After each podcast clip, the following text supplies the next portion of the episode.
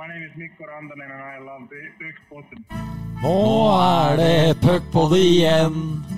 Nå er det puckpod igjen, og det er puckepod, pod, pucke, pucke, pod, pod. Puckpod. Litt reservert i dag, eh, Bendik. Ja, vi sitter jo her i en losje i nye Warner Arena. Eh, NTG er nedpå her. Eh, Janna på andre sida av bordet her. Det er litt sånn det, det, det, det må bli litt reservert her, men vi gjør det likevel. Ja, ja. Vi, vi gjorde et forsøk. Det var ikke bra Nei. denne gangen heller, men det holder. Ja, vi er altså i Warner Arena. Vi er jo privilegerte som eh, får lov å komme inn i disse nye ishallene såpass eh, tidlig. Vi kom jo inn, oss inn på nye Jordal også relativt tidlig. Det gjorde vi, og så var eh, Janna hadde, tok oss med på en fin runde der vi fikk se alt her, og liksom en kjapp guiding på en ti minutter. Så ca. sånn ti ganger så kort guiding som Kjær eh, tok oss med på Jordal. Som du sa til Janna i stad, at hadde vi ikke sagt til Kjær at vi måtte komme i gang da, så tror jeg vi fortsatt vi hadde vært inne på Jordal nå, selv halvannet år etterpå. Så nei, så det er veldig godt å være her, og som du sier, vi er privilegerte som får lov til å gjøre det her, så vi må takke for det, da. Ja.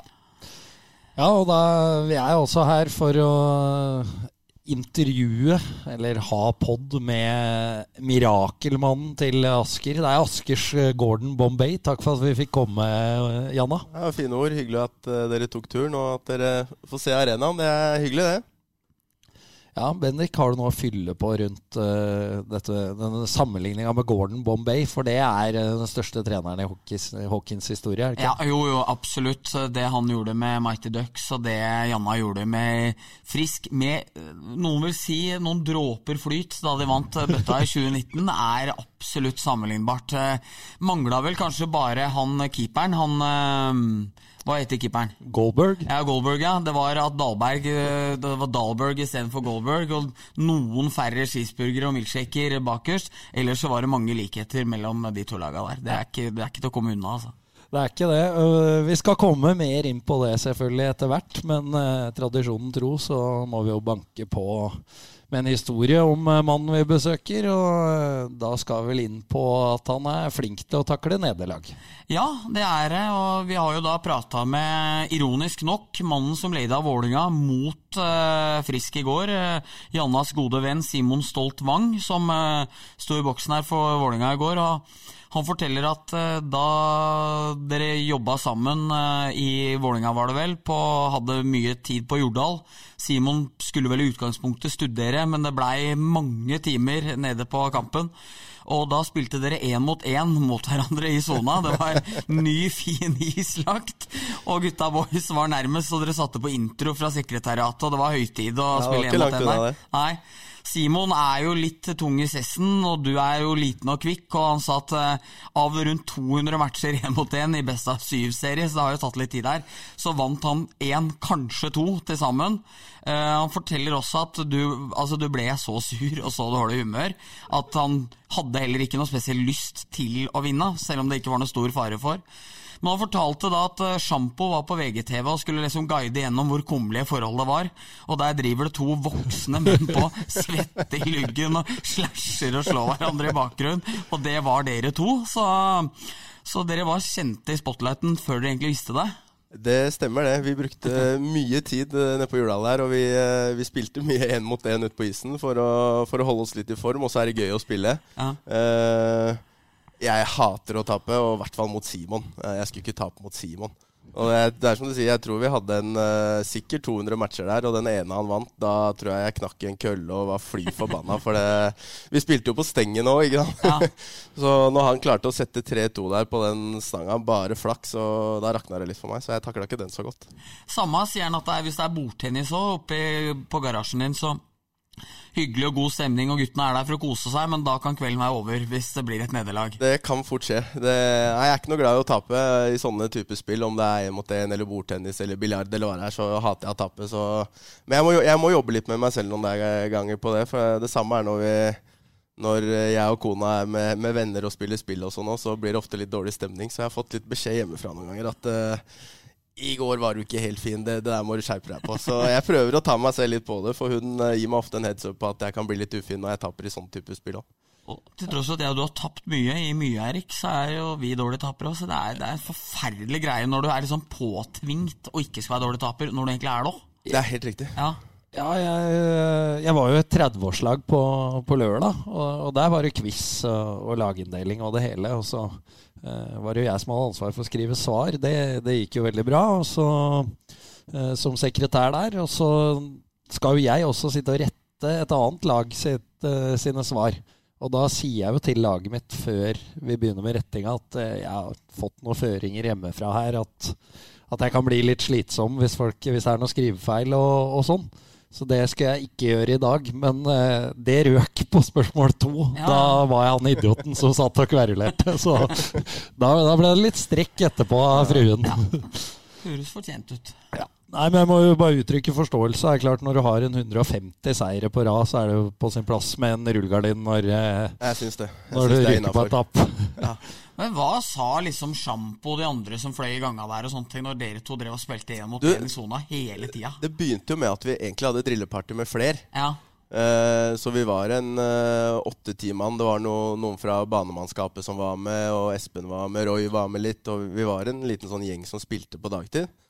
Og så falt litt eh, folk av litt her og der, og plutselig var det jeg og Simon som satt igjen. da Og vi kjørte på, vi. Så de sto egentlig bare og lo litt av oss. Og nei, dere er gærne. Hva er det dere holder på med? Nei, Vi syns det er gøy å spille, så vi kjører en mot dem når ikke dere andre gidder. Så vi fikk noen kommentarer på det. Det gjorde vi.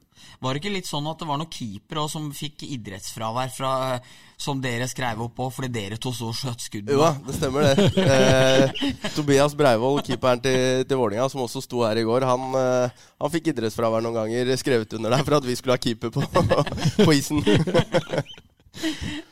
Ja, det er stort eh, Ja, det er levert. Fin. Men jeg må jo være så ærlig å si at det høres jo riktig ut at eh, Janne har tatt flest seire her. For vi eh, Simon er jo en veldig flink trener, det beviste han jo senest i, i går. Men uh, det skal jo være rått parti, det. For vi spilte jo med Simon i, i Furuset. og Rettere ikke- sagt, vi spilte, han så på, faktisk. Ja, det, det er vel korrekt. Skulle bare mangle, er det Ja. dere mener der? Ja. Ja, ja, jeg er enig i det. Ja. Så det blir ikke altfor mye kred for uh, 198-2-seieren du tok mot han. Jeg tar den, jeg tar, dere kan heller gi meg pes for de to jeg tapte. Jeg er enig i det. Ja, men uh, vi kan jo fortsette litt med spillerkarrieren. Da. Vi starter der. Eh, Bendik var jo på meg i bilen her at eh, her må vi gå kronologisk til verket. Så, så da, da gjør vi det. Du, det blei jo noen matcher i, eh, i moderklubben uh, Vålerenga, men uh, du tok liksom ikke helt steget. Ta oss gjennom prosessen der. Nei, det er riktig det. Det blei ble noen sesonger der, men én ting var jeg, jeg var ikke fryktelig glad i å trene. Nei. Jeg var ikke det, altså. Det, jeg hadde sånn brukbart talent. Det var helt, helt grei når vi var yngre. Jeg er jo ca. samme alder som, som dere, så det var helt sånn brukbar. Men uh, når jeg ble eldre, så uh, Nei, jeg var ikke noe sånn fryktelig treningsprodukt. Og da, da sier det stopp uh, til, til slutt. Um, men jeg var heldig nok og fikk noen sesonger i Vålinga. Klarte vel egentlig aldri helt å ta det neste steget, og da endte det jo videre i, i Manglerud og spilte der et, et par sesonger. Uh, og så for min del da så kom det til et punkt hvor du følte at du ikke Du kommer ikke noe vei med hockeyen. da Og da valgte jeg å, å hoppe, av, hoppe av den uh, hockeykarrieren. Men da flytta du til England, gjorde du ikke det, for å Jo. studere i stedet? Helt riktig. Da flytta jeg til England, og så bodde jeg der i, i tre og et halvt år og studerte. Og fantastisk tid der borte. Uh, Hva studerte du? Studerte sportsjournalistikk. Ja. Så jeg er inne på, på jobben deres Ja. der. Eh, nei, jeg, var, jeg er veldig interessert i fotball. Uh, syns, uh, syns fotball er veldig gøy. Og så hadde jeg en sånn greie for engelsk fotball. Uh, så jeg tenkte det kunne være en fin mulighet til å flytte over til England og studere sportsjournalistikk og komme nærme på, på engelsk fotball og, og den kulturen der borte. Så da ble jeg der i tre år og, og studerte og jobba en del med engelsk fotball. Det var veldig gøy. Og så, når jeg var ferdig med å studere, så gikk turen hjem igjen. Hadde du da, når du bodde der og drev og var mer interessert i, i fotball og den slags, så hadde du en tanke om at du skulle på en måte livnære deg hockey igjen da? Både ja og nei. Jeg hadde jo hadde jo en tanke om at kanskje man kunne f.eks. jobbe med i TV 2 eller et eller annet sånt med hockey. Ja. Eh, det er flere som har hatt uh, hockeyfotballroller, for Ja, å kalle ja. det, i, TV 2. Så en sånn type jobb var jo noe man kanskje så for seg. da. ja. Ehm, og så ble det jo litt sånn tilfeldigheter som gjorde at man kom inn i, i treneryrket da, etter at man flyttet hjem. Um, inn i junioravdelingen til Vålerenga der og litt sånne ting. Og så gikk det bare videre derfra, egentlig. For jeg husker, jeg eh, holder jo med Liverpool, som eh, du gjør. Eh, Jeg ble jo klar over deg når jeg plutselig så deg spaltene på liverpool.no, eller noe, Ja, ja, ja. jeg husker jeg for mange herrens år siden blir det nå. Hvor på en måte tett kom du på engelsk fotball, og liksom hvor hva, hva Fikk du jobbe noe ut på det når du var der borte? Det, det meste ble jo på sånn studiebasis, da. Ja. Eh, og vi hadde jo fag som, som Det ene faget het jo fotballdekning. Ja. eh, hvor du liksom skulle dekke fotballkamper og sånn. Og da måtte du liksom jobbe for å komme deg inn på pressekonferanser og inn på stadion og, og liksom møte spillere og gjøre intervjuer. Og så måtte du liksom gjøre det så proft som mulig, da. Ja. Så du kom jo relativt tett inn på det. Eh, noen klubber selvfølgelig mer åpne enn andre der borte også. Eh, sånn type mm, Queens Park Rangers var jo i Premier League når jeg bodde der borte. Ja. Det var jo en enkel klubb å få tilgang til. ja. Selv om som en uh, stusslig student så fikk du lov å komme inn på pressekonferanser, og du fikk lov å være på treningsfeltet og møte spillere og sånn når de var tilgjengelige. da. ja. Så det var kult da å liksom gjøre det. Og så var det andre klubber som ikke var eh, like enkle. Men du, du følte liksom at du fikk en liten feeling for det. At det var uh, hvordan det var å jobbe der borte. da. Kom du inn på matcher og sånn? Eller det... Var på et par kamper sånn som presse, da. Ja, ja. Uh, var på Charlton et par kamper. Uh, var på Westham en kamp. Uh, Du bodde i London, skjønner jeg. jeg bodde i London, ja, helt riktig. Så det var jo de London-klubbene du liksom prøvde å, å, å komme deg rundt på. da. Så er jo det litt lettere ned i ligasystemet òg, da. Med liksom championship og league one og sånn. Der kunne du jo Og så hadde jo den skolen jeg gikk på, hadde et samarbeid med Nei, um, med um, Nå husker jeg ikke hva de heter engang. Så Spiller i league two, i hvert fall. Der hadde skolen min et samarbeid, så det var ganske enkelt å liksom kunne, kunne komme inn der òg, og liksom oppleve hvordan det er der, da. Men du tok aldri journalistikken noe videre når du kom hit, eller gikk du jeg- rett i hockeyen da? Jeg var litt grann i TV 2, Ja. uh, og gjorde litt sånn frilans uh, Det var jo på ishockey, Ja. Uh, hvor vi gjorde litt forskjellige sånne reportasjer der når de hadde Det var vel rundt da de hadde Hockeyekstra. ja. Og da hadde de et par innslag under Hockeyekstraen. Med- Jeg gjorde f.eks. En, en greie med Bondesaksen, husker jeg. Eh, litt sånn forskjellige ting. Eh, men så begynte jeg å jobbe for en som heter Kevin Skabo. Som er eh, manageren til Mats Zuccarello. Mm. Eh, via noen bekjente så, så begynte jeg å jobbe litt for han. Eh, og i tillegg da så Kim Weisten, som var trener i, i Vålerenga, som, da- som er min beste venn, da, trente lag der. Og så kom jeg inn der, så da gjorde jeg de to tingene istedenfor Ok. å, å fortsette å jobbe med det i, i TV 2. da. Um, og så derfra så gikk jo da veien videre inn i den trenerveien, da. Skjønner. Hvordan eh, Da er du jo rundt juniorlaga til eh, Vålerenga, eh, men så havner du jo i Asker. Eh, Hvordan gikk det til? Det var også ganske tilfeldig. Um, jeg følte også der at det blei Hockey tar mye tid, da. Så når du er juniortrener. Det skal sies. Det er all ære til de som, som gjør det. Du, er du U18-trener nå, så er du borte fredag og søndag og spiller kamper. Så du bruker fredagskvelden din, og du bruker hele søndagen på, på kamper, og du, det er treninger hele uka, så du bruker mye tid. Uh, og i den situasjonen jeg var da, så tenkte jeg nå må jeg liksom ta en liten touchdown. Kanskje jeg skal prøve å få meg en vanlig jobb igjen og liksom ja, litt mer A4. Uh, og så plutselig så ringte Vidar uh, og lurte på om jeg ville ta et møte her ute i Asker, og var selvfølgelig åpen for det. Eh, og da hadde de ansatt eh, Scott Hillman som, som hovedtrener, og lurte på om jeg kunne tenke meg kanskje være assistenten hans. Og det syns jeg virka interessant og spennende, og syns hele det Asker-laget og prosjektet var spennende. Så da hoppa jeg på det. Hva er det Lurøy som har gjort? da? Har fått deg som assistent når de henta han som hoved? Ja, det funka jo bra til slutt, i hvert fall. Ja, for det, det gikk jo ikke all verden med den godeste Hilmen. Hva var det som gikk så galt der? Du, det er, jeg tror det var flere ting. Men først og fremst tror jeg nok det var en liten sånn kultur, eh, kulturkrasj. At han kanskje kom inn med den litt for sånn typiske amerikanske innstillingen. Da, Mm. Som gjorde at det kanskje krasja litt med, med den norske kulturen vi har. Og vi hadde jo en spillergruppe med mye eldre norske spillere, eh, og det tror jeg ble litt sånn eh, litt krasj. Mm. Og så, når du da ikke fikk resultater, så bare balla det på seg, liksom? Ja. Ja. Ja, det, og det året var, var vel frisk tippa én eller to på tabellen, tror Ja. jeg, fra stort sett alle. Ja. De hadde jo henta ganske mye nytt, og ganske voksent lag det året når, når vi begynte der. Så jeg tror det var høye forventninger til Frisk det året òg. og når da resultatene uteble litt, så ble det fort, fort litt sånn murring. Thomsen, Sydlovskij og gutta. Han eh, godeste Gandolfi var høy og mørk da når gutta ble henta inn der. Og Sydlovskij var tidlig ute døra. Og, ja, og Bonis. Det var jo det er ironisk nok, for liksom, jeg sitter liksom ikke med følelsen at det her var så sykt bra utlendinger, men det var allikevel de som vant bøtta til slutt. Da, så det er litt sånn tvega å prate om dem. Eh, Ja, og så må jo jeg da spole litt tilbake igjen, ja, da, for vi skal komme til triumfen. Altså, Ja, ja. Men eh, hvor, hvor tidlig blir du klar over uh, at uh, Frisk ønsker at du skal styre skuta når Hilman må gå? Eh, Det var ganske tidlig. Eh, igjen så var det jo Vidar som, som ringte og sa Informerte meg da om hva som kom til å skje. Eh, og så lurte han på om, om jeg kunne tenke meg å, å ta det midlertidig, da. til man eventuelt fant en løsning på det. Og som jeg sa, det, det skal jeg gjøre. Jeg skal gjøre så godt jeg kan. Og så får vi se hvordan det går. Så, det fikk jeg jo beskjed om ganske tidlig når klubben bestemte seg for at, for at nok var nok med Scott. da. Det må jo ha vært, eh, det må ha vært noen tanker eh, i, i huet på deg da når eh, du var vel 30 år da, i, i 2019? Ja, jeg, var, jeg var 29 Ja, år når jeg tok ja. over der. Uh, fersk. Første året med, med seniorspillere. Jeg hadde vært med seniorspillere siden august, og det her skjedde vel i, i desember.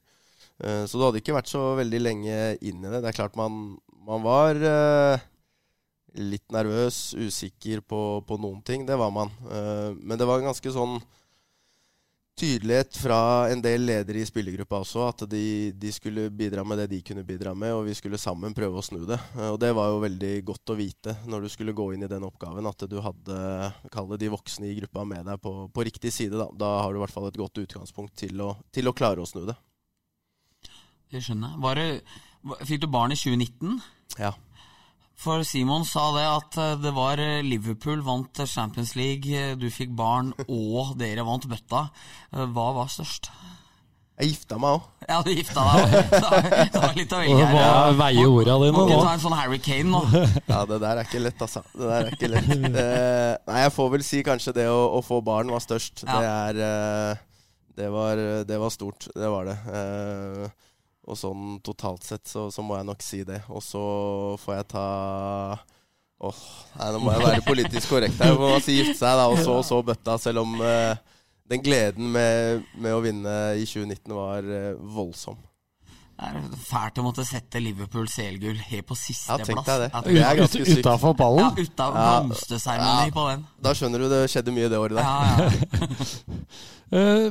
Litt om eh, prosessen. Altså, vi eh, husker jo, Bendik, eh, hvis man tar tilbake til 2008-NM-finalene mellom Storhamar og Frisk, så fikk jo Storhamar veldig mye tyn fra, fra Frisk-fansen. For Og Jonny. Nilsen var jo ute der òg. Det, det var så kjedelig oppe i biblioteket på Hamar, var det vel han sa, til Frisk-TV.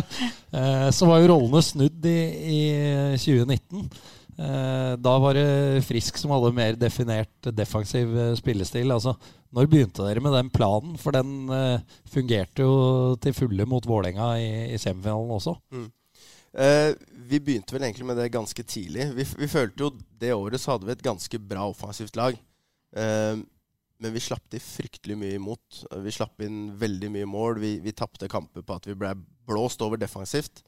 Eh, så vi begynte ganske tidlig, eh, si rundt nyttår der, med å liksom prøve å organisere oss defensivt. Så syns jeg det ble bedre og bedre og bedre de neste månedene. Og når vi da kom inn i sluttspill, så satt det ganske bra.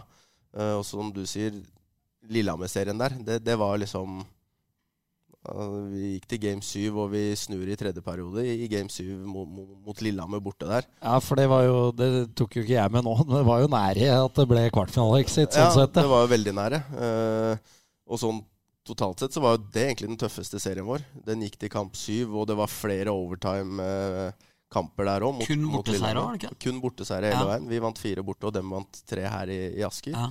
Så det, den serien var eh, spinnvill. Eh, så tror jeg da, som du sier, når vi gikk inn mot Vålinga der, så følte vi at liksom, det her funker. Den defensive strukturen er bra. Vi hadde Dalberg bak der som, som var trygg og god og tar stort sett det han ser.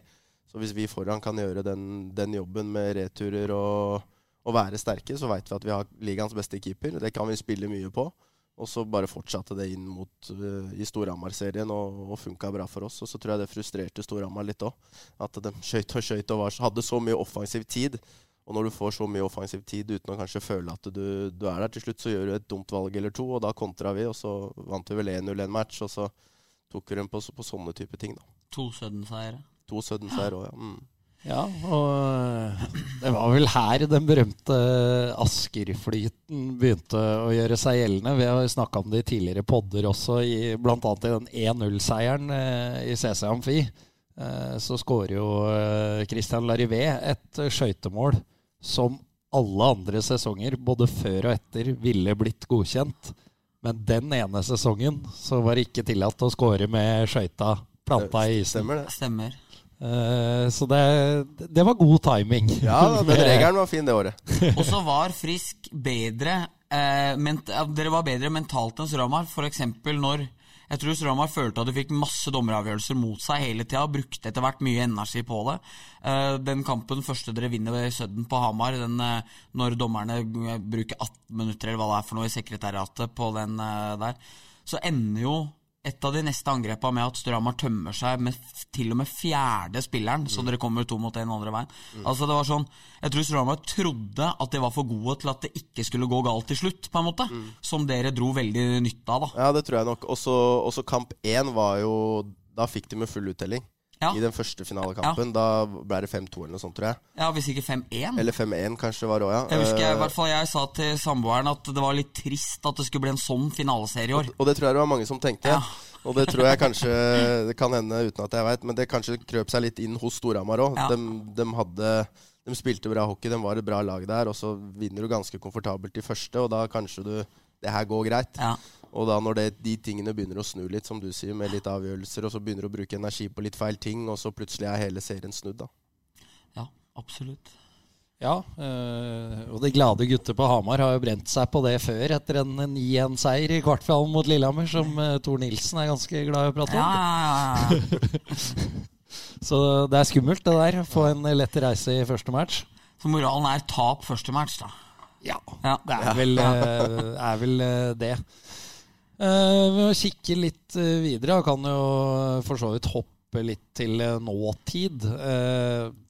nå er det sju tap de siste ti matcha for dine gutter. Så vi snakka litt om det på tur innover, at Askeflytene har jo ikke helt vært der den siste tida. Hvordan jobber dere nå? Nei, vi kan ikke ha flyt hele tida, vi heller. Uh, nå får vi prøve å jobbe litt, da, så får vi gjøre det litt ordentlig. Ikke bare ha flaks, så får vi se hvordan det går. uh, nei, det er, uh, det er, litt sånn som vi, vi, snakker om også. Alle har litt sånn ups and downs i løpet av en, uh, en, sesong. Vi har fått vår uh, nedperiode ganske nå i det siste. det var vel Stavanger starta vel med det, og så har de stabilisert seg og vært fryktelig stabile siden det typ. Storhamar har hatt en periode der hvor de var litt svakere, hadde litt dårligere resultater. Vi har fått det nå. Um, og da, da, gjelder det å prøve å gjøre den perioden så kort som mulig. Uh, nå har vi syv på ti. Det, da må vi begynne å snu. Uh, men jeg tror for, for, vår del da så gjelder det å forenkle litt i spillet. Vi, vi kan ikke gå og tenke på, på, på oss selv og synes synd på oss selv når du, når du gjør feil. Du må, liksom, du må enklere i spillet ditt. Du må, du må, vi må hjelpe hverandre ut på isen der, og så får vi prøve å ta én seier, og så får vi bygge videre på det. Syns jeg vi gjorde det ganske bra mot Ringerike og Stavanger. Så var det et, uh, steg i feil retning igjen i går, dessverre, mot Vålerenga. Hvor jeg syns vi var litt tilbake til å gjøre litt for mye enkle feil og litt for mye personlige feil, som gjør at vi, vi tapte her i går. Så, men heldigvis så, så, har vi nå er det vel syv kamper igjen av, av, seriespillet til å begynne å stabilisere oss igjen og, og snu det da, inn mot et sluttspill. Det hadde vært verre om vi hadde begynt med det her eh, fem-seks kamper før sluttspill og gått inn der med, med den selvtilliten vi har nå. Hvor eh, nære var dere nå på Eller hadde dere noe ønske om å plukke inn noe nå som transfervinduet var oppe, eller når det stengte nå? Var, var dere i nærheten av noe der, eller? Ja, vi hadde diskusjoner på det. Ja. Uh, men så var det vel som Jeg tror det var mange klubber som, som gjorde det. Ja. Uh, men så var det litt sånn som markedet var, så var det ganske tørt. Nå er ikke jeg den som sitter mest og har, uh, har det i, i, klubben her, da. men det var visst et ganske tørt og vanskelig marked inn mot, inn mot slutten. Uh, så for vår del så endte vi på å ikke gjøre noe. Ja, for jeg har skjønt det. F.eks. Storhamar og Lillehammer var jo begge interessert i Peltier, som uh, kunne skrive i HAs spalter her forleden, men der kom jo f.eks. Uh, Lins til med at de ønska ikke å slippe toppspillerne sine og vise publikum, presse, sponsorer, at du gir faen i resten av serien og på en måte slipper opp hele laget ditt for å spare litt lønnskostnader. Skjønte både Lillehammer og Storhamar var jo nære trodde de i hvert fall, å få tak i en og annen fra KL hver. Men der òg har det vært mye sånne bananagenter som har drevet og kjørt sine egne løp og sånne ting. Så det tror jeg har vært ut, nesten umulig marked, egentlig. Så synd da for dere laga som på en måte kanskje kunne ha trengt noe nå. Ja, absolutt. Et vanlig år så skal du ikke se bort fra at det kanskje hadde kommet inn et par spillere til, ikke bare til oss, men til ligaen generelt, vil jeg tro. Nå blir det jo denne prosenttabellen, og per nå så ligger jo Frisk på en eh, femteplass eh, der. Og det, det er jo en skummel plassering for et sluttspill, ja, er ikke det? vi trives der. vi gjør det.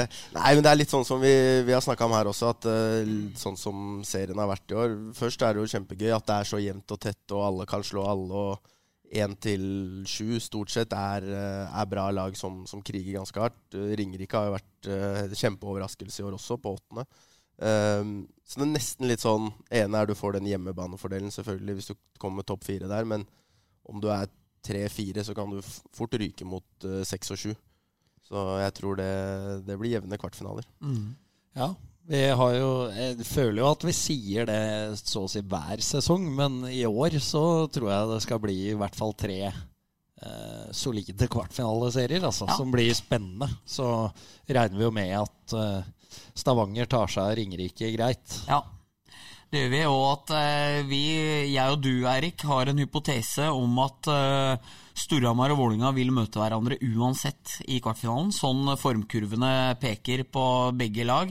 Nå kan det jo rekke å sprekke opp helt uh, for noen av dem, men vi sitter vel med en ørliten følelse der, at vi kan prikke inn at det blir Oilers, Ringerike og Storhamar-Vålinga. At vi tror ikke at noen vil velge en av dem hvis det er mulig, og at Vålinga veldig med stor sannsynlighet nå antageligvis tar fjerdeplassen. da. Og da blir det jo Frisk eller Storhamar det lag nummer tre mest sannsynlig må velge mellom, og da er det der vi har falt. Ja, så skal vi jo komme tilbake med mer presis eh, spådom, men hva, hva, tror du, hva, tror du om det? Nei, jeg tror det kan høres uh, riktig ut, jeg. Ja. At uh, Stavanger tar nok åttendeplassen uh, der, som da er Ringerike. og da er det vel hvordan ser den prosenttabellen ut nå? Er Stjernen eh, ser vel, begynner vel å se ganske sikker ut, gjør de ikke det? Ja, Det er relativt jevnt, men de har jo, de, eh, de har jo den foreløpig, så vi får ta utgangspunkt i det, da. Mm. Ja, Og da har dere at Stjernen tar uh, Lillehammer. Lillehammer. Lillehammer ja. For Lillehammer er jo historisk fryktelig i Stjernehallen. Ja. ja og så er Lillehammer det sjuende beste laget òg. Ja, ja, men det kan jeg være enig i. Ja. Og da må Sparta velge mellom uh, fire og fem, som dere da tror blir uh, Storhamar og oss, da. Ja, ja og, og Vålinga i miksen her, men Vålinga ligger jo best an for fjerdeplassen. Ja, så jeg tipper Storhamar og Frisk, da, som vil være fem og seks. Vår uh, hypotese er jo da at i tredjeplassen ikke kommer til å velge Storhamar eller Vålerenga. Riktig. Så da blir det oss, da. Ja. Med mindre vi tar fjerdeplassen. Ja. ja. Riktig, riktig, riktig. Nei, det høres ikke dumt ut, det. Nei. Og hvis dere tar fjerdeplassen, så blir det Frisk Storhamar. Ja. Tror vi ikke det? Jo, for Frisk har balletak på Storhamar hatt de siste par åra. Men uh, nå er det jo to matcher som kommer nå, men vinner Storhamar begge dem, så gjør jo det der at uh, det vil snu veldig rundt. Men da har jo Frisk i realiteten ikke noe mulighet på fjerdeplass heller. Så mm. der òg ligger det også en faktor X, da. Ja. Gjør det. Det er gøy, dette. altså. Ja, ja, ja. Det er moro, det her. Kan vi sitte til i morgen? Ja. Eh, en faktor som vi ikke har snakka om, da. du nevnte det så vidt før vi starta sendinga her. Eh, nå er det jo en eh, ny arena for, for Frisk, og det er liten rink. Hva får det å si for dere? For det er jo en stor overgang, vil jeg tro. I hvert fall basert på egne erfaringer med å spille på liten ja, bane. Ja, det er det. Det er jo trangere, da. Det er mindre, mindre tid, mindre plass. Det blir litt mer sånn tut og kjør-hockey enn det det er på, på større flate. Det, det gjør det. Uh, og det er uh, tilvenningssak når du da skal ha det som hjemmeis og du skal trene på det hver eneste dag. Uh, men så tror jeg jo jo mer tid vi, vi, får her, så tror jeg vi kan gjøre det til en fordel. men det tar nok litt tid. Men heldigvis så har vi da, som jeg sier, vi, vi avslutter jo serien med fem hjemmekamper. Vi skal nå bort Sparta bort mot Storhamar, og så har vi fem hjemmekamper til slutt. Så det er bra for oss at vi får de fem kampene også til å, til å tilvenne oss litt over til, eh, til hjemmeis her sånn. Og det er tilstrekkelig med tid til sluttspillet. Nei, det er vanskelig å si, men eh, det får vi håpe, da. Nå I fotball så er det sånn at eh, kunstgresslag trener f.eks. på en åker eller dårlig gressbane før de skal spille gresskamper på våren når det er dårlige baner. Eh, nå er jo dere mest vant til storis, is, det blir jo ikke noe tema for dere. Men dere som etter hvert har muligheten til neste år, når dere blir godt vant med den lille isen og sånne ting, kommer det til å være aktuelt for dere f.eks. å kunne trene i gamle Askerhallen før dere skal til Hamar eller til Lillehammer, eller der det er større is?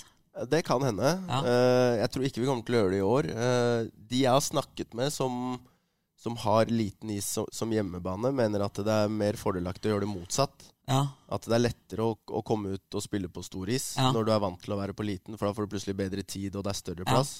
Men hvis du, har, hvis du spiller på hjemmebane på stor is, og du har muligheten til å trene på liten flate før du skal reise bort og spille på liten flate, Ja. så er det mer fordelaktig å gjøre det noen okay. ganger Ja. enn motsatt. Ja. Uh, så vi har vel ikke helt bestemt oss for hvordan vi kommer til å gjøre det fra, fra neste år. Men det kan hende at vi kommer til å ta noen, noen økter inn i gamle Askerhallen for for å bruke den store isen. Skjønner. Det er spennende tider. Ja, det er det. Nå begynner det å bli mye liten is i Norge òg. Ja, det Nå, gjør er det. det- nå er det så halvparten har det vel. Og jeg mener jo at en hockeykamp kan nesten ikke bli så god som på stor is. Men den blir mye, en dårlig hockeykamp blir mye bedre på liten is. Altså Storhamar MS på bandybana i Sesamfi forrige uke. Altså Så kjedelig match at jeg holdt på å dø, liksom. Mens Selv om det blir ti mål, ja, og- så var det kjedelig match. Ja, det var, helt, det var helt dørgende, liksom. Med store yter og bandysvinger rundt og holder på. Mens en dårlig kamp kan bli mye Altså, det er sjelden du sitter i Manglerudhallen og føler at ah, fy faen så kjedelig det her var, liksom. Fordi det er tettere på, det blir mer taklinger, det blir mer sånne, sånne ting, da. Ja. Så det er jo litt gøy for ligaen at Det er jo litt uproft òg, at du har litt av alt, men eh, det er jo litt sånn det er, da. Ja, det er det. Er det. Ja, det, det er riktig det, Bendik. Har ikke sett sånn på det før, men Nei. jeg syns det var veldig klokt. Altså. Ja, Så du tusen skal takk. få ros for det. Ja, og hjertelig. Ja, så må vi jo Det har skjedd en del eh, siden sist vi hadde sending. Eh, tre uker er jo gått. Det er svakt av oss, eh, Bendik. Men eh, vi sa, advarte jo òg når vi var inne i den toukerstimen at dette kommer jo ikke til å holde. Nei, nei, og det nei, nei. skjønte alle med ja, ja. disse røreminka som styrer poden. Det var, eh, det var Du hadde noen skoledaggreier forrige onsdag der, og jeg kom tilbake fra Stavanger, og det var litt trøbbel med det ene og det andre. Så, men da slo vi heller til Jeg lovte jo på Twitter at da kom vi i hvert fall tilbake med en ordentlig gjest, og det syns jeg vi har Ja, en ordentlig kanon, lova Ja, du. ja. Så jeg syns ikke du skal underspille Nei, det nå. Når vi kanon. det. Ja, ja, ja. Så jeg gjorde det ordentlig. Gjorde det ordentlig. Men da har det jo skjedd litt. Det er jo i hvert fall poenget mitt. veldig langt resonnement. Ja. Men det får være. Eh, vi må inn på eh, det som har ført til at enkelte Stavanger-fans nå kaller Storhamar for Storhamar Cannibals. Den hendelsen må vi komme litt inn på. Ja, eh, det kan vi godt gjøre. Det var jo da Storhamar tapte 3-2 for Stavanger forrige tirsdag i DNB Arena.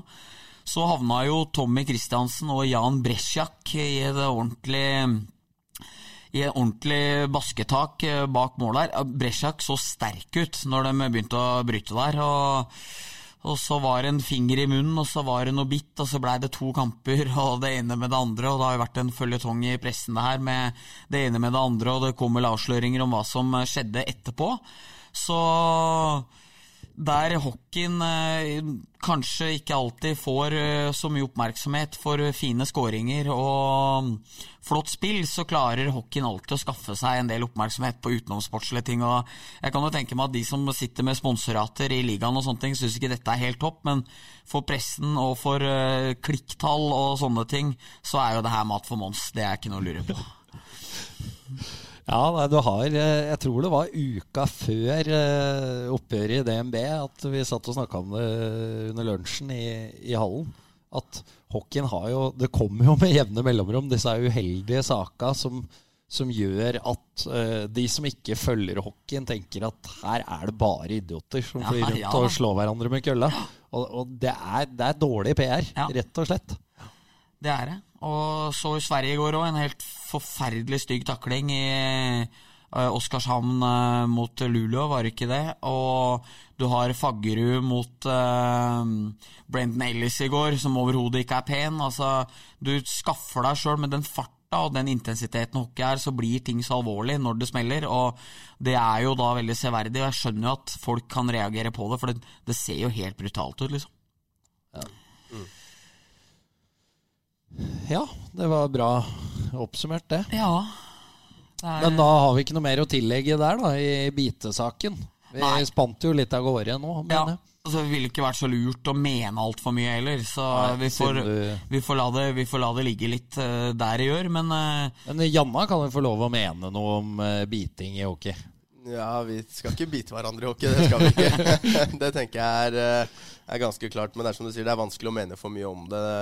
Det var vel, det lille jeg har hørt om det, var vel eh, putta noen fingre inn der, og da blir det biti og sånn. Men det Nei, jeg veit ikke. Men eh, det er, det er som du sier, da. Vi har noen sånne uheldige episoder som kommer litt med sånn jevne mellomrom, og det blir ofte blåst opp ganske stort når man når man gjør noe dumt ute på isen, og da får vi litt sånn dårlig, dårlig PR ut av det. Og den saken der er jo en sånn type sak da, hvor det blir blåst opp veldig stort, og så ser det dumt ut da når vi, når vi blir slått opp i media. Ja, Og det er jo liksom sånn der, Jeg prøver jo, og jeg syns det er interessant diskusjon nå, for jeg ser jo folk etterlyser jo mer saker om Sukka f.eks.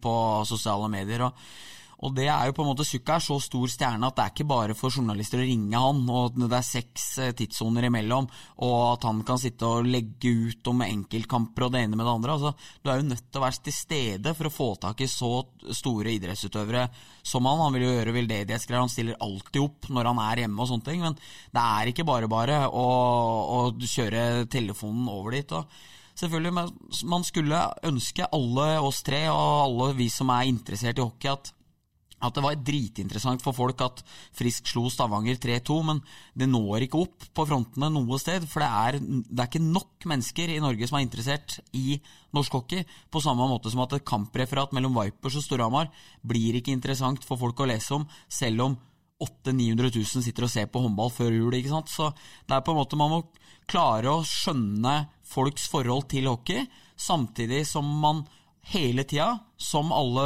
ønsker, må prøve å gjøre seg attraktive nok til at menigmann blir mer interessert. Og da slår de situasjonen her tilbake igjen på hockeyen, som gjør at folk blir mer skeptiske og usikre på hva den idretten er. Så det er litt sånn uh, tosidig som på en måte ikke er spesielt gunstig, da. Men da er det fint med sånne podder som vi har. og sånn, ikke sant? Så Da kommer du under huden og skjønner at det er fine folk som er her. Ja, og i forrige pod så lanserte jo vi en ny spalte. Den, eh, den er med i dag òg, men det blir siste gang vi har eh, Dessverre. ettergått eh, Tor Nilsens Twitter-konto nok en gang. Og den hardtslående eksperten, han er fortsatt hardtslående, Bendik. Ja. Vi, vi skal få satt stemninga litt som, som sist gang, så jeg bare snurrer musikk, og så leser du opp det vi har. Tors tweets. Episode to av to. Her har Tor lagt med et bilde av eh, oppvarminga til Lillehammer Sparta. Lillehammer Sparta Sarpsborg. Hockeykølle, puck. To gode lag i toppen av ligaen. Bilde to. Da har han tatt bilde av eh, TV-skjermen sin. Sitter han hjemme og koser seg. Hashtag to hockey. Da er det Oilers stjernen, og det er 2-2. Hashtag hockey. Tor skriver 'nok en god kamp serveres til folket'. Kølle, puck, eh, glorie og litt sånn flau smil-smiley. Ja, det er, eh, det er sterke saker. Ja, og på lørdag så klinte han til eh, og tok for seg dømminga i den matchen her. Eh, så han var imponert over hockeyen og, og hallen og det ene med det andre. Man mente dommerne ikke holdt nivå. Eh, og det er jo herlig å se at Jeg skal ikke oppfordre folk til å kritisere dommerne, det er ikke det jeg mener. men det er gøy å se at uh, Thor har lagt på litt mer køl enn hva han hadde på det, på det første tweetsa sine. Ja, han er uh, uh, Det er greit nok at hockeyen kanskje må gå litt stillere i dørene av og til på enkelthendelser, men akkurat på Twitter så tenker jeg det er en god ting at Thor har uh, uppa gamet lite grann. Rett og slett. Ja, det er bra. Det er bra. Ja, det er, det er bra. Vi skal tilbake til en annen kjent ting, Bendik. Nå blir det litt sånn hopping, men eh, det får være. Det, det er jo heller ikke blitt noe sånn offisiell spalte, men vi var jo inne på den derre pølsekokinga di i Hemsedal når du var Furuset-spiller. Jeg vet ikke om du fikk med deg det, Janna? Nei, den har jeg ikke hørt. Nei, han, eh, det var Marius Kvassheim som eh, kunne rapportere om at eh, Bendik etter afterski i Hemsedal kokte pølser til guttene, som da i tillegg var sprekte og sto og rørte med dobørsten i, i pølsegryta. det sier, ufint. Ja, det sier seg sjøl at det ikke er sånn, for det er ingen som koker ei pølsegryte Altså, når du har pølser i vannet, så er det, ingen, det er jo ingen som står og bruker den og rører rundt.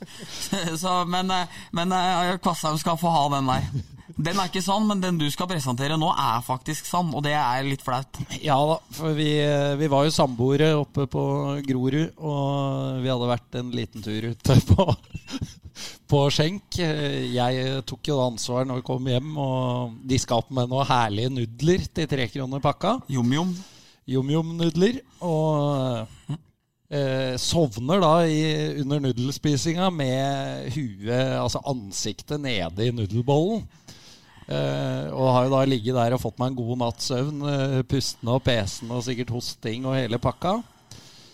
Dagen etter kommer en uh, sliten Eriksen uh, ut, og han er jo fysen på, no på noe mat. Det var det eneste vi hadde. Gyver løs på, på nudelbollen, til tross for advarselen om at jeg har trynet nedi hele natta. Stemmer det. Jeg mente faktisk jeg flytta huet ditt over til bordet og bare dro nudla rett opp der. Men, uh, men da sier vi at din er sann. Ja, det, det var i hvert fall bra gjort. Ja. Nei, takk for det, Erik. Det skal du ha. Vi snakka om eh, importer eh, i stad. Nå kom det jo ingen inn eh, dørene i, i Warner Arena. Men der det har kommet noen inn dørene, det er jo i Sjongshallen. Og da må jeg stille spørsmålet, mulig dere ikke vil mene så mye om det, men gjør gjerne det. Ringerike. De ligger på åttendeplass. Sånn har, den har vært ganske sikker. Det har vært bra med luke ned til Gryner. Og det har vært langt opp alle vet, og dere tror jeg også Martin Borch vet, at eh, Stavanger kommer til å plukke dem i kvartfinalen. Hvorfor bruker man da penger på å hente inn en Reed Petrick? Eh, for jeg regner ikke med at han spiller gratis av kjærlighet til Ringerike Panthers.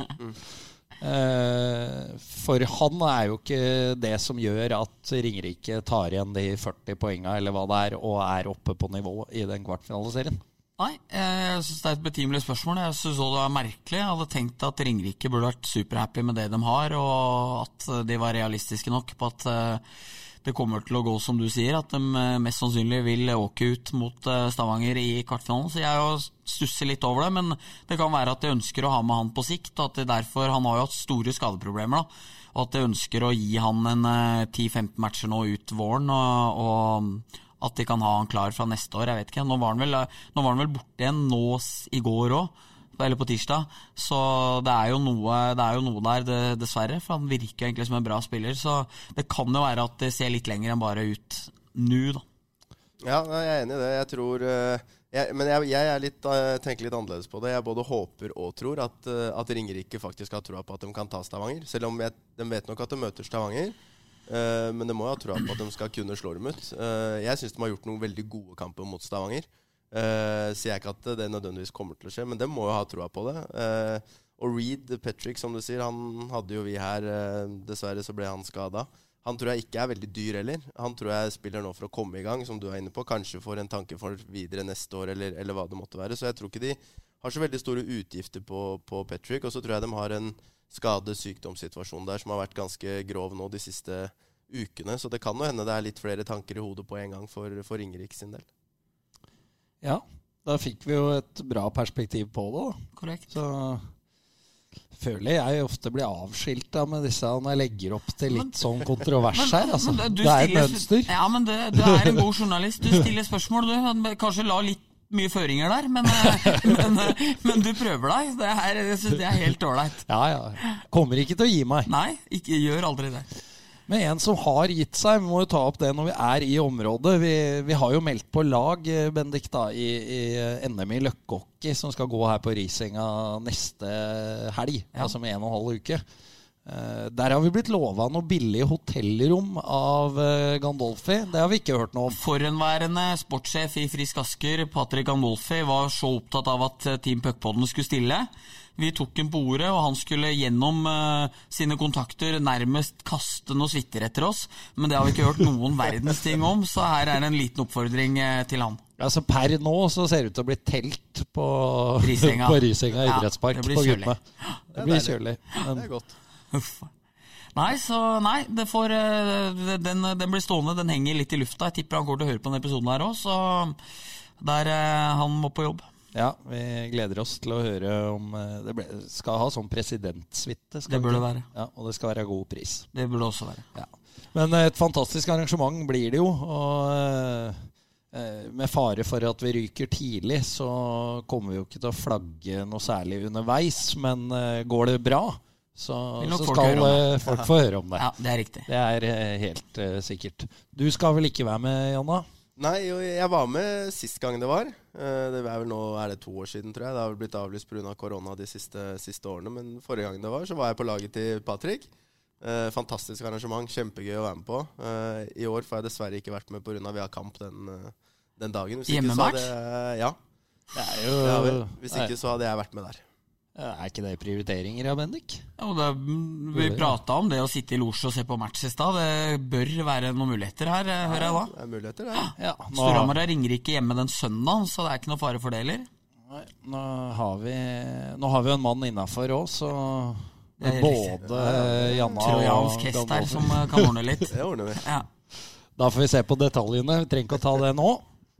Det vi skal ta nå Du skal få fortelle det sjøl, du, Bendik. Eh, Du har vært på Allboys-trening du i CC Amfi, og der gikk det kule varmt. ja, men nå, nå blir det så jævlig mye om oss. Er det Ja, men jeg tenker du må få ta det, for jeg har fått uh, fire stykker som har sendt meg melding om det. Ja, okay, ja. Så det må med. Ok, så kunne vi tatt det neste pod. Uh, nei uh... Vi tar en vurdering etterpå, da. Ja, nei, eh, det er riktig. Eh, eh, at eh, jeg kasta kølla i vrede på Aalborgs-trening forrige mandag og gikk rett i garderoben når jeg ikke ble spilt på blank for hundrede gang, og 97-gutta hadde drevet og drilla og dratt og mista pucken overalt. Og jeg skjønte ikke, var det ikke som Jon Svarstad sa til eh, til Lars Østerås i sine yngre dager at du burde skrevet navn på pucken, så du kunne hatt den sjøl. For det var sånn alle drev på. Det var så jævlig kjedelig å være på den Allboys-treninga. Så til slutt så bare munga jeg når jeg ikke fikk pucken, når jeg var egentlig aleine gjennom. Hadde, hadde satt to oppe, helt oppe i mønet på Geir Østberg der. Eh, Herman Huse kom bort til meg og sa at det er jo der eh, Johansen sier på TV at mor gjemmer kakene. Så jeg var liksom fornøyd eh, der. Og så bare ble humøret dårligere og dårligere til det til slutt var eh, helt Tommy Eriksen-nivå på meg, og jeg kølla ble kitta opp på vippen der. Det er riktig. Ja. Det er deilig. Følelser, følelser på Allboys. Det Ja, er bra, det. det, ja. Var ute, og så tenkte jeg, så kom jeg inn i garderoben, og så jeg da var klokka 44, og da veit jeg at gutta kommer seks minutter etterpå. Og da har jeg allerede rekket og blitt så flau over reaksjonen min, så jeg bare dro av meg utstyret, bagen over skuldra og beina hjem, sånn at ingen skulle se meg heller. Jeg skal ha blitt observert litt sånn luskende med hette oppe i tredje etasje i Amfinn der når du henta kølla. Jeg tror ikke jeg har hette på et plagg, ellers så, ellers så er det vel riktig mye der, ja. Ja, ja, men det er bra. Da har du noe til felles med, med Janna, som eh, var forbanna etter tapet mot Stolt Vang. Riktig. Så hvordan, eh, hvordan reagerer du? Er det, er det samme type reaksjon når laget taper, eller er det verre når det kun går på egne prestasjoner? Jeg blir nok mer sånn eh, spontan sur når jeg taper. Eh, når laget taper, blir jeg ikke like sånn spontan sur. Da, men det er, det er mer du, ting du går og gnager på over tid. da At du sover dårlig og ligger og irriterer deg over, eh, over ting, kontra det å, å tape på sånne type ting som mot, mot Simon. da Det er litt annen annerledes følelse, det er det. Men jeg har sett på TV-matcher og sånne ting at du er rolig, men etter dommeravgjørelser og ting du ikke er enig i, og sånne ting, så du banner En leppeleser vil avsløre deg. Eh, det er nok helt riktig. Ja, Det er nok riktig. Eh, men jeg, jeg tror litt sånn Man kan stå og skrike og hyle og holde på fælt på dommer og alt sånn, men, men gjort er gjort. De kommer ikke til å gjøre om på det. Om, om jeg mener at de gjør en feil, og jeg står og skriker hvor ræva han er, Ja. så hjelper ikke det. nei. Det hjelper ikke laget mitt, det hjelper ikke meg. Han kommer ikke til å gjøre om. Så du, du får ikke noe tilbake for det. Så jeg tror ikke det lønner seg da i lengden. Så ja, du kan bli forbanna, og som du sier, jeg tar meg selv noen ganger at jeg kanskje står og banner litt mye til meg selv, men jeg tror ikke jeg tror ikke det alltid er vits i at det kommer ut høyt. Det er litt interessant òg, for å se Storhamar nå har eh, Jøse og faktisk til og med Mats Hansen i går var ordentlig forbanna på dommera. Og det har egentlig skjedd mer og mer den senere tida, og aldri har de hatt så lite powerplay eh, kontra eh, undertall som de har hatt den siste tida heller. Så jeg tror som Janna sier, at det er kanskje bedre å bite tenna litt mer sammen. altså. Ja, jeg tror det er litt balansegang, for på ett tidspunkt, hvis det oppleves veldig urettferdig, så må du også vise laget Ja. at Det dette må, det må finner være oss ikke si i. Det er enig. Det, det skal absolutt være lov å si fra. Og jeg gjør det noen ganger, jeg også, at det kan være en høy røst. Men jeg tror ikke du skal gjøre det på hver avgjørelse. Hver, hver, hver utvisning. Jeg tror Da blir det for mye, tror jeg. Ja, dommere er jo mennesker, det òg, så det er klart at dem hater trynet ditt hvis du står og kauker på hver eneste icing, offside og utvisning som kommer. Og så må publikum, dette er en oppfordring, bli mye flinkere til å påvirke dommerne. Altså, Når publikum piper for alt som er helt fra start av, så blir det for døve ører. Men tvert det er en situasjon som er relevant, eller der du kan dra en fordel av i neste situasjon, så må publikum vite at nå må vi legge press på dommeren. Og sånn der jevn over summing, sånn som det er i Sparta Amfi og Lillehammer, og som jeg syns etter hvert har blitt altfor mye av i CS Amfi òg, det må folk slutte med, og så må de heller pick your battles. Ja, for det er jo litt sånn eh, igjen tilbake til at dommere er mennesker. Dem, eh, når du står og vurderer er var det kanskje en liten tripping der eller en hekting, og så er det 4000 som skriker at det var det, Ja. da tror jeg det er mulighet for å påvirke den avgjørelsen. Ja, At, ja. eh, ja, ja, det var nok Det var nok hekting der, ja. Så, så Nei, jeg er det enig i gjøres.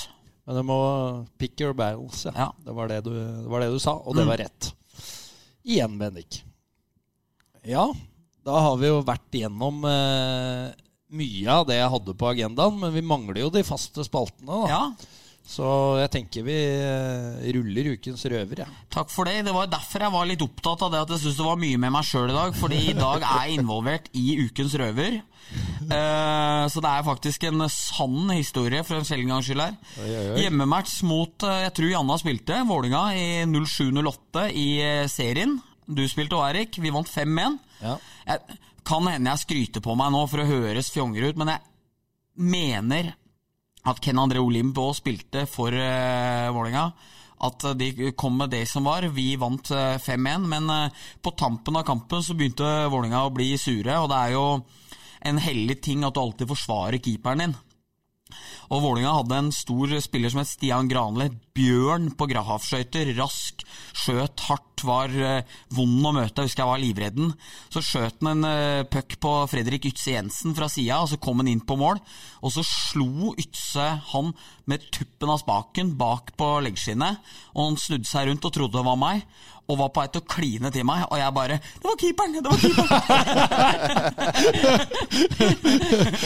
Kasta Itzu under bussen Ja, der, så det er den spilleren du på absolutt ikke vil eh, gjøre noe Altså, du, du, skal, du skal nærmest dø før keeperen eh, får noe på seg. Men jeg husker bare i refleks, og så ble jeg liksom perpleks av hele greia at Vet du hva, jeg skyldte faktisk på keeperen, men det var jo han der, som ja. Ja, den fin. det, var, det var keeperen, det var keeperen. Og da husker jeg, da gikk han bort til han i stedet. Han slapp å dra til han, så da Jeg kom på den i stad når vi prata om det der, så da tenkte jeg den var litt morsom nå.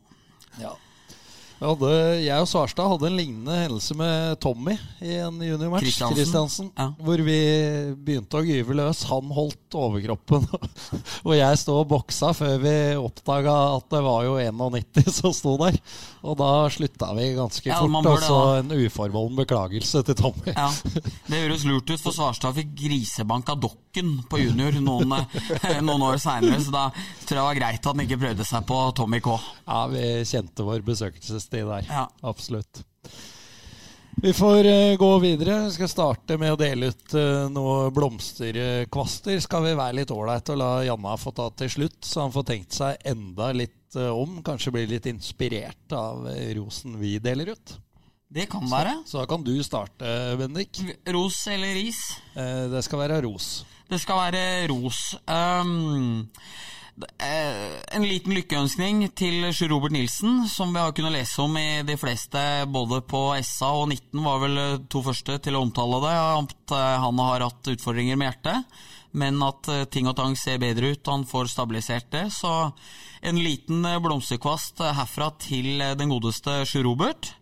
Også som vi prata om eh, i stad, med Simon Stoltvang og Kim Weisten, eh, to unge gutter uten altfor mye spillererfaring sjøl, som eh, leder Vålinga når Sjampo og Frikk er borte. og får kanskje Vålerenga til å se som best ut denne sesongen her. Så da gir vi også en liten blomsterbukett over til Jordal Amfi. Ja. Fortjent. Ja, det syns jeg. Ja, jeg har også to. Uh, kan starte med Mats Zuccarello. Det er jo helt enormt. Uh, nå har jeg ikke sjekka, jeg veit at han ikke spilte i natt, men han var vel oppe på en uh, topp 15 på målpoeng i NHL. Det er jo brukbart, det, av vår eneste mann der borte. Så det er fortjent blomsterkast til han. Og den andre, det blir, blir Tommy Larsen igjen, da, driftssjefen i CC Amfi. Han han er back at it, som uh, vi sier på Hamar. Uh, denne gangen så var det Gunhild uh, Baks, fysio for Storhamar, som fikk unngjelde. Hadde tatt seg friheten å parkere på drift utafor Amfien. Det gjør det jo ikke. Larsen med svære pickupen steller seg bak. sørger da for at Bax må innom driftssjefkontoret og be om nåde for å komme seg fra jobb. Tommy Larsen er fin, han liker jeg. Han er sånn som folk. Ja, han er, han er fin. Enorm, enorm mann. Så siden dette er hver andre uke, så er det muligheter for nye Larsen-historier hver eneste pod, tenker jeg. Så det er bare å fortsette å levere, Tommy. Ja. Du er sterk. Ja, jeg tenker jeg uh, går lokalt, jeg. Og så kjører jeg til uh, organisasjonen her i, her i, Frisk. En liten organisasjon med fire ansatte. Uh, og det er åpnings, åpningsdagen her av, ny arena med så mye som skjedde, og sånn som de har stått på og jobba for at det skulle bli, bli vellykka, så velger jeg å gi blomst til de fire ansatte der som flyr rundt og styrer og ordner og gjør alt mulig rart mellom himmel og jord for at, for at det skulle bli bra. Og det, det blei det til slutt, så jeg velger å gi til dem. Nei, Sikkert fortjent, det òg. Ja, det må jeg si. Det er eh, fullt fortjent. Seier ble det jo også i åpningsmatchen. Ja, kunne ikke blitt uh, mye bedre, det. Altså, det kunne ikke det. litt skjenk etterpå? Litt, litt grann skjenk etterpå. Ja, ja. Det, det, er lov på en sånn dag. Ja, det må være lov. Når det var full løs her, så er det lov. Ja, det må jeg si. Noe annet ville faktisk vært skuffende. Ja, da hadde du kommet på kaktus nå etterpå. Ja, det er helt riktig. Ja. ja, Bendik, ta over kaktuspinnen, du. Ja, øh, den går øh, til deg. Ja, takk. Klokkeklart til deg. Eh, søndag kan jeg lese på Storhamar 2 sin hjemmeside Nei, på Storhamar fanklubb sin hjemmeside at Christian Larivé står i lineupen til Storhamar YA mot Grüner 2. Der mener jeg at min kjære kollega, min kjære gode venn, skal gi sin journalistkollega Bendik en liten heads up på at mannen som da han la opp i vår fikk hele førstesida til Hamar Arbeiderblad og hele sport, sporten inni.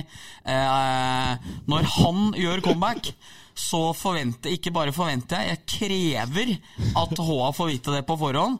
Så når vi må se det der inne, Erik, så, så ble jeg svært skuffa. Så tok jeg det ikke med deg i bilen på vei innover, fordi jeg ville hatt en klink ærlig reaksjon her. Men uh, den går rett til deg. Er det ja, grei? Eh, Tar du ja, kritikk? Det, nei, det kan jeg ikke gjøre. Nei fordi uh, dette er jo uh, Jeg holdt jo på å si det i stad når vi snakka om signeringer rett før overgangsvinduet stengte. Så var det jo stort for, for Storhamar Yngres å få Larivé inn i stallen i, i tredjedivisjon øst. Men uh, det var jo et krav fra spilleren sjøl om at For vi spurte kan du stille, vi har lite folk. det skulle han gjøre, men det var én betingelse, og det var at det skulle holdes internt. Eh, så dette For han ønska ikke at eh, du skulle komme med den skarpe pennen din og skrive at han skulle spille i tredjedivisjon. Nei, men det hadde vært 500 tilskuere til for dere, og dere hadde fått solgt enda flere vafler. Og Oddmund Blakseth hadde sett dollartegn eh, i øya der. Ja, og alt dette er jeg helt med på, men poenget er at hadde jeg tipsa deg om det, så hadde den ikke kommet. Nei. Så da hadde vi jo vært Så de tilskuerne vi hadde, de 50-100 som var der, de hadde kommet uansett. Ja.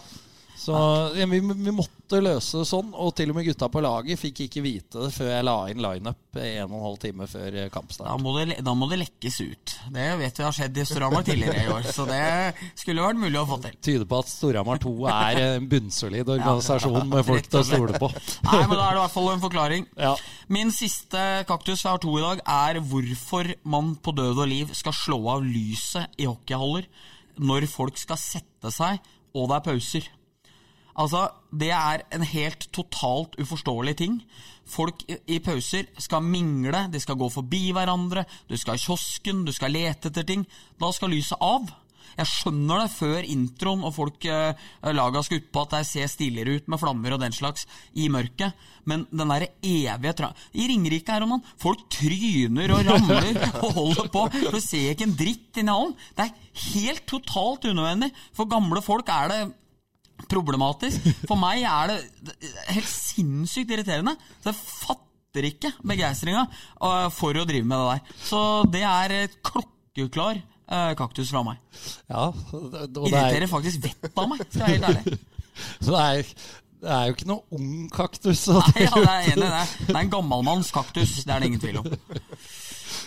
Ja, men eh, Jeg har ikke tenkt på det sjøl, men det er sikkert riktig. Det er vanskelig å navigere seg rundt på Ja, det, er, det, er, det, er liksom, det er liksom sånn derre Ja, nå skal folk lete etter plassene sine. Nei, her er det mørkt. Altså liksom sånn Det, det, det, det finnes ikke én eneste god grunn for det før åpningsshowet. Nei. Og se på Lillehammer, der er det ikke, der er det ikke lys i hallen før fem-seks minutter uti periodene. Nei, det lyset er helt forferdelig. Ja, det er helt fryktelig. Det er, det er mørkt de første fem minutta fordi man har det så travelt på å få slått av lyset i pausa. Det, det er toppen av idioti. Ja, men det var jo før de bytta lysa i CC Amfi òg, så var det jo sånn at uh, lampene brukte jo tid etter de var slått på, til å komme i gang. koster mye mer òg enn å bare holde det på. Så jeg, jeg forstår det ikke. Men uh, nei, det nok om det. Ja. Nei, men uh, det er bra det, Bennik. Ja, jeg må ta for meg det, er, eh, det er så dumt å ta deg først, for det blir så vanskelig å følge opp. For det er jo lynings hver gang. Jeg syns jeg har vært ganske lyng ganske lenge nå. Men er det, når jeg satt i Ringerike på lørdag, så bestemte jeg meg for at dette Og det er ikke bare Ringerike, alle gjør det jo, men det var bare da som ble den utløsende faktoren for meg at fy faen, og det her er, liksom. Ja. Ja, da prøver jeg å hoppe, prøve å hoppe videre. Det er jo eh, i reality show. Nå eh, bet meg merke det på Farmen kjendis her nå i avslutningsrundene der. Så kommer de med disse teasera for artikler som du skal lese Ja, på nett. ja. Uh, og for å ta Farmen kjendis, så er det sånn uh, Øyen har båret på en hemmelighet under hele oppholdet. Hør hva på tv2.no. Fy faen, så idiotisk!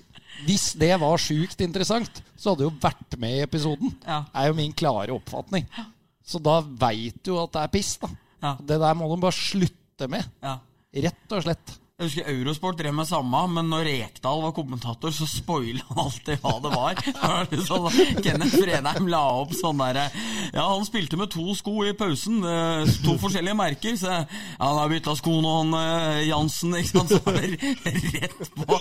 Så det, det blei liksom ikke så mye av. Men eh, nei da, nei, er, disse spoilerne er liksom ikke alltid, nei. Det er helt store. men du er jo enig? Ja da. Hvis det var severdig, så hadde det jo vært en del av For det, programmet. for det fantes en time å putte det inn i, ja. Ja. Det er nok helt riktig. Det er nok helt riktig. Du har kunne kutta litt i disse overgangsbildene som er når det er sceneskifte og sånn. ikke sant? Så det er, nei, det er tynn suppe, og det må de gi seg med med en gang. Janna, vær så Ja, god. Da var det min tur. Jeg tar noe litt mer eh, seriøst da, på det. Jeg tar uh, hodetaklinger. Jeg syns vi har hatt altfor mye hodetaklinger i år. Uh, nå, ikke noen spesifikke der, men uh, nå hadde vi ja, noen situasjoner i går som du var inne på i stad.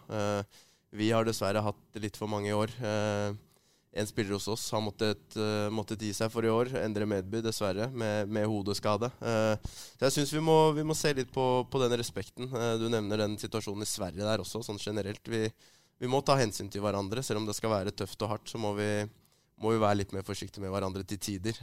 I, I gitte situasjoner syns jeg det ofte er unødvendige taklinger. Litt for, litt for mye av det. Både med tanke på spillere som blir skada, og som få konsekvenser i ettertid, men også som du snakker om, med omdømme. At vi må, vi må tenke litt på det òg. Og det er min, eh, min kaktus i dag. At vi må, vi må prøve å få mindre hodeskader. Enig. Og man må ikke fullføre for enhver pris. For eksempel hvis du ser altså, det- Den som blir takla, bærer et veldig stort ansvar. Men hvis du ser at bare hodet henger igjen, så tenk over at det er, det er ikke så viktig å få fullført at du må smadre hodet hans gjennom pleksen, liksom. Nei, det er jo i utgangspunktet dette med taklinger. Det er jo et verktøy for å vinne pucken. Eh, så er det jo en del som har misforstått det, da, som takler for å, nærmest for å drepe. Eh, skulle man i hvert fall tro. Eh, og det er jeg helt enig i, Anna. Det, det må folk slutte med.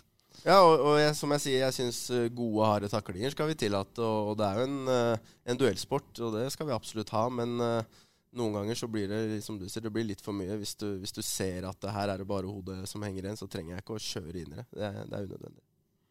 Enig. Ja, du er jo greit idiot hvis du er uenig, kanskje. Ja.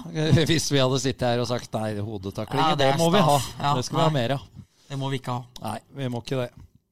Uh, men da er vi vel kanskje kommet til veis ende, da. Ja, jeg tror det. Uh, så da benytter jeg anledningen til å takke for at vi fikk komme og besøke deg, Janne. Se denne flotte arenaen. Ja, bra. bra. Hyggelig å ha dere her. Hjertelig takk. Ses vi igjen eh, ja, allerede lørdag, kanskje. Det er det noen kontroverser og greier, så kan det jo bli en, eh, et eh, intervju da òg. I Ja, ja. kanskje litt eh, mindre lystig form, men det Ja, veit man aldri. Det er det som er gøy. Se, vi får se. Ja, og så blir det jo eh, Kommer vi jo til å høre fra Janna, da, nå som han eh, nærmest har lova egen puckpod-losje eh, på lørdag 5. mars. Var det, var det sånn det var? der, ja. Ja, ja. Så det, det gleder vi oss til. Takk for at uh, du hørte på. Så er vi tilbake med en playoff-spesial vi rett før kvartfinalene går av stabelen. Det vi. Det er vi.